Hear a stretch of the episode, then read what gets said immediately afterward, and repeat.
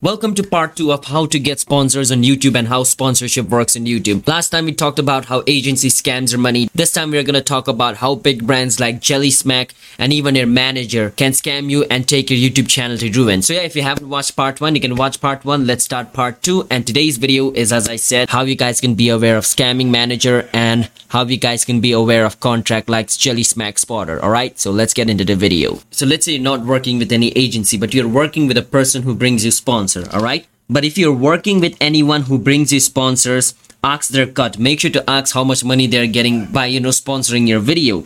And if they say they can't say that, it's a lie. They can. And if you ask for how much cut they are getting and they don't answer, it's basically a lie. They're lying to you, alright? They might say they don't get paid in commission, they get paid in another way, which is also a lie and a red flag. Who is paying you? Where are you getting your money from? Let's have a talk about that. Make sure to ask them that. And if they say, oh, I don't get paid in commission, I get paid in some other form, then ask them, wow, how are you getting paid then? How much are you getting paid? Who is paying you? Let's talk about it. Where's the money coming from? I don't want to get stuck in any legal stuff. So make sure to do that and ask them. All right. Because if they say this, like, you know, I don't get paid in commission, then that's a big red flag. You have to know where the money is coming from. Otherwise, you might be in jail for sponsoring some dumb stuff. If you're working with someone, 20% is the industrial standard or anyone booking more than that is probably just trying to collect your money. If less than that, that could be good. But you sort of have to balance what you're getting for the money. So the industrial standard is 20%. If somebody asking you for more than 20%, then they're probably trying to scam you or take your money. But if it is less than 20%, but it's okay. But it but like less than 20% doesn't mean it's always great. If you're getting a deal of like $1 million, 10% means like more than 50k. So you have to understand that is he worth 50k or not, alright? So like you know under 20% is great but try to balance out know how much money you're getting how much percent of that cut is and if he's worthy to get that cut or not all right? So try to calculate that but more than 20% it's a big red flag. No no. The new model is the 10% one. Someone comes to you like a manager and they don't get 10% of just your sponsors. They get 10% of all your money. So what is trying to say there's a new 10% model and like managers or some like who's trying to work with you are going to charge you 10% not just of the sponsor of everything that's coming in. Not not not your adsense but everything else except your adsense like the you know deal with spotter the deal with like merch and all these other stuff they're going to take 10% all right? These are the new system. But not to beef with any of these all right? But Jellysmack spotter creative juice is doing this but the service is like this.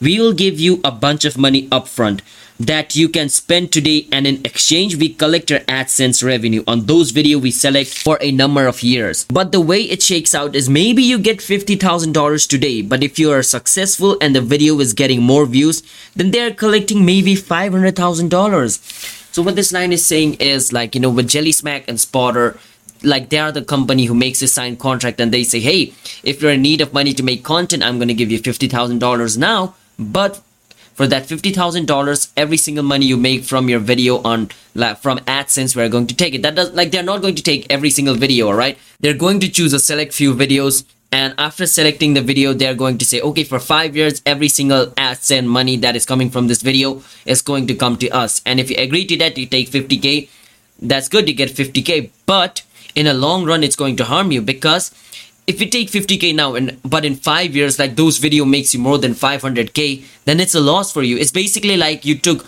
loan from some company for 50k and the interest rate is really high. I mean just by giving you $50000 they're making you 500k so before taking the money make sure to ask do i really need this money? Do i really like maybe I can make this video for $5,000 or $7,000, but do I really need to take this money and risk me getting 500k like, you know, scammed out of my account or my videos? So make sure to do that. And these companies, they don't work with small creators like us they go to big creators, especially like Mr. Beast. Like they know like Mr. Beast video is going to make a lot of money. So they approach him and they say, I'm give you a million, but I'm going to like, you know, take the AdSense from this, this, this video for five years like that. So ask yourself, I mean, unless you're in a dire situation that you need money right now, then of course do it. Otherwise, I will say it's a no-no. So in this condition, you need a good manager because if you have a good manager, your good manager will say this, the point at which you are right now it's not good to take deal of spotter, Jellysmack and creative juice. You don't need this money. There is other ways we can make money. let's go to more conference talk to more people talk to more creator. What's even the use of this much capital? So if you have a good manager then he's going to try to talk you out of this and make try to give you like you know some real sense. Do we really need this money? What are we going to do with all this capital? I don't think we need this money right now. I think like you're in a really great spot and in one or two years you're going to make billions of money. So i don't think like giving them this contract is really good. So a good manager will try to like use his brain and try to do that. But if you have a manager let's say if you have a manager of like 10% contract manager which we talked about like a minute ago then this is going to happen.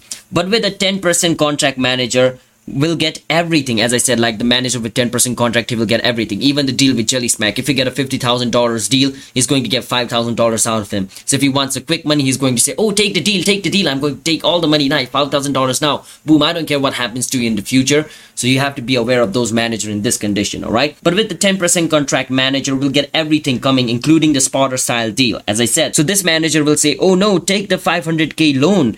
I don't give a crap what happens to your business in the future. I want to get paid now. So if there's 50k deal, he gets 5k, all right? That's what he's trying to say. If he's a manager who only cares about money, not your company, he's going to say, ah, the spotter deal is so great. Ah, let's take the money, let's take the money. He's actually not talking for you, he's talking for him because the moment you take 50k, he gets 5k.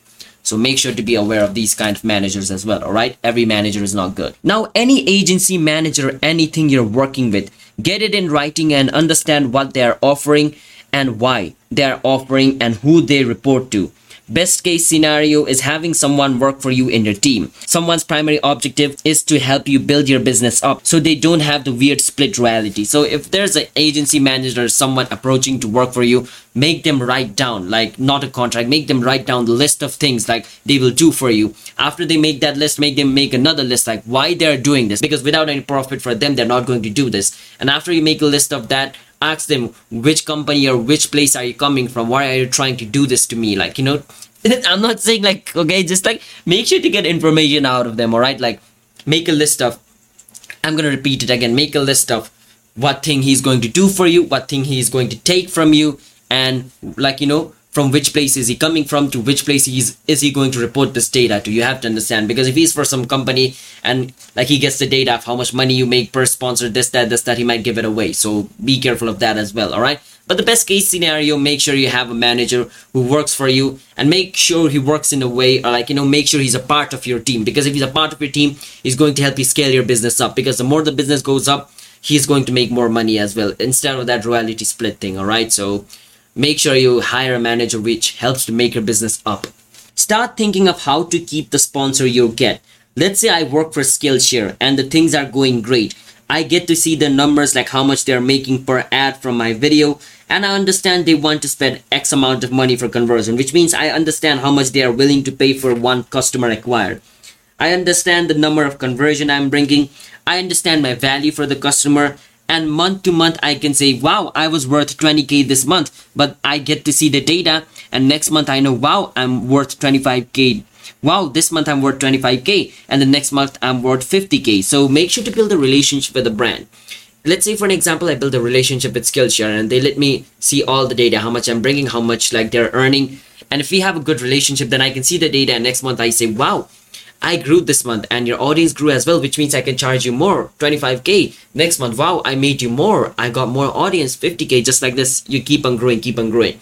If you don't have the relationship, one-time sponsor, they're out or you don't get to see any data. So having that relationship is really important. That's why I would highly suggest you not to get any third party agency work for you. Try to build a relationship. Now, the sort of thing you should be doing is making sure the relationship is being served the audience trusts you and the sponsor trusts you because of the audience trust you. Now the only reason the sponsor or the company trusts you is because your audience trusts you. This is how it works. Your audience trusts you and the company wants the trust of those audience. How does he does it? He builds a trust with you. You're like a bridge like who's trying to maintain the trust between the audience and the company. And for that you're getting paid right? So make sure to like keep the trust of your audience. If you scam your audience like some youtuber does then your audience gets out of the way. Once your audience gets out of the way the company is not going to give a crap about you. They're going to go their other way. Make sure to keep that. Now let's say a bad month. Let's say you have a bad month which means you get low views and the ad gets low conversion.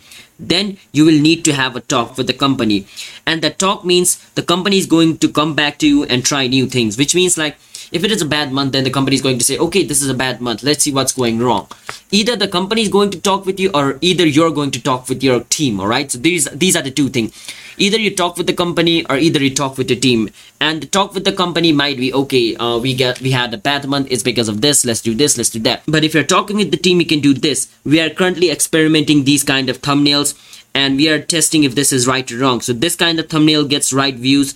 Maybe it leads to lower view but the views which gets are of higher quality which means they end up converting to the sponsor more so if we're having talk with the team, we can do this. Oh, this thumbnail is the reason because we had a bad month. Let's change it. Oh, this thumbnail brings me low views. But just because it brings me low views doesn't mean it's doing bad for the sponsor. It's just bringing me 10 views. But all those 10 views are signing up to the signing up to Skillshare for an example if Skillshare was my sponsor.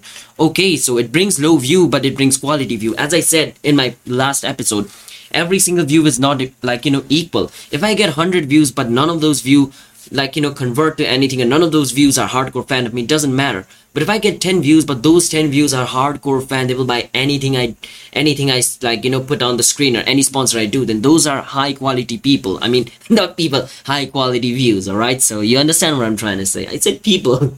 God damn it. If you're having a bad month try to think what are what are the reason? What are the causes for the bad months? How can i get a good month? How can i do this? Bam bam bam bam bam. Try to know that now, not everything is about a view. As I said, there's bad view, good view. So more view doesn't mean you're being successful, alright? So you need to know that. But the best metric for a sponsors are under the audience tab.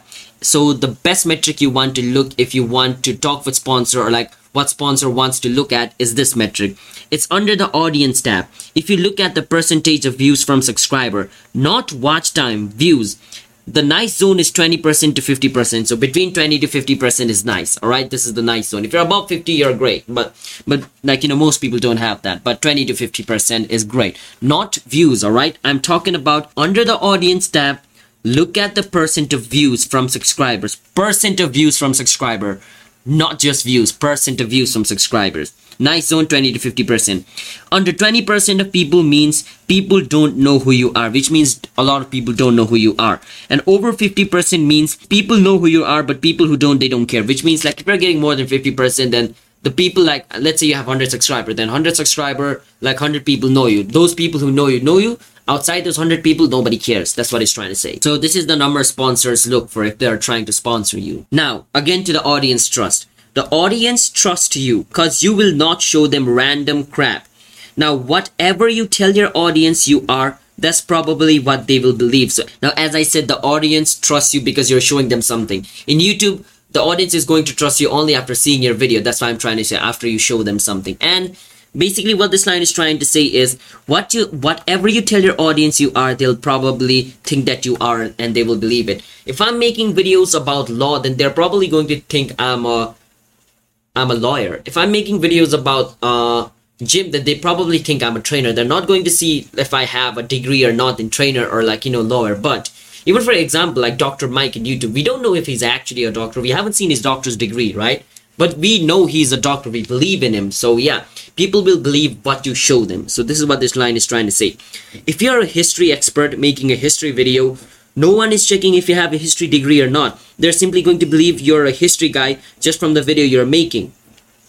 And the sponsors you run is the part of your story. So if you're a history guy, then try to run sponsor which is linked with like history, like uh, magnifying glass to search for um, fossils or uh, use this funnel and you can search for more like you know rare dirt or something like that. If i'm a history channel and i'm trying to like you know sell you a cream nobody's going to buy it. Dude like history and cream these two are different niche. So whichever niche you are try to have sponsors of that niche. If you're educational niche then skillshare might work for you. If you're in like fitness niche then like you know protein powder might work for you. So make sure to do that all right but if you're running ads like raid shadow legend or some other pay to win mobile game that just tricks children into gambling. When the audience gets to that, they will go, that's not me. This isn't for me. You don't want to end their experience with that. But if you're getting like random, like, you know, crap uh, sponsors like Raid Shadow Legends or Raid Shadow Legends, according to the VidSummit guy, I've never played that game. Basically, it's like a pay to win game. So if you sponsor that and the people who watch you goes there, then basically you're tricking your audience into spending more money. And let's say one of your audience downloads the game and tries to play the game. And they go like, oh, I trusted this YouTuber and I downloaded this game, but this game is just not for me. Ah, this experience is so bad. It's going to leave a bad taste on their mouth. It's like inviting all your, like, you know, all your hardcore fans into a dinner and making them eat crap food in a way. That's going to give them a bad taste in their mouth and bad experience. They're going to look at you from a different perspective now. They had so much trust. Now we gave them crap food to eat. think of it in that way. I, I try I wanted to explain in the most simple way, but I think this is a simple way. You invited all of your fans, not just your fan, your die-hard fans only, and you gave them crap food. How are they going to look at him? How are they going to see you? They're going to see you as a bad person now. Oh, I came all the way here, invited me, and I'm getting served crap food the, the, bro this is bad. I'm, I'm leaving. So you don't want to end their experience in that. So whichever sponsor you're getting make sure it's going to give your audience a great experience all right so when you're running a sponsor you are sending the viewers a message. So even if they don't buy or sign up they will still appreciate the mirror you held up to them was flattering. When you run a sponsor, they are flattering to the audience. To send message about the things they care about that will perform better. So if you're running a sponsor, you're basically sending a message. Let's say uh, I get a sponsor from a cream. I'm using this example a lot, but this is like the closest thing to me. I, and I say, hey, uh, let's say I'm a uh, cream YouTuber. I say, oh, this cream is so good. It's going to make it even better. You're looking gorgeous right now, but you're you're going to look even more gorgeous if you if you use this cream.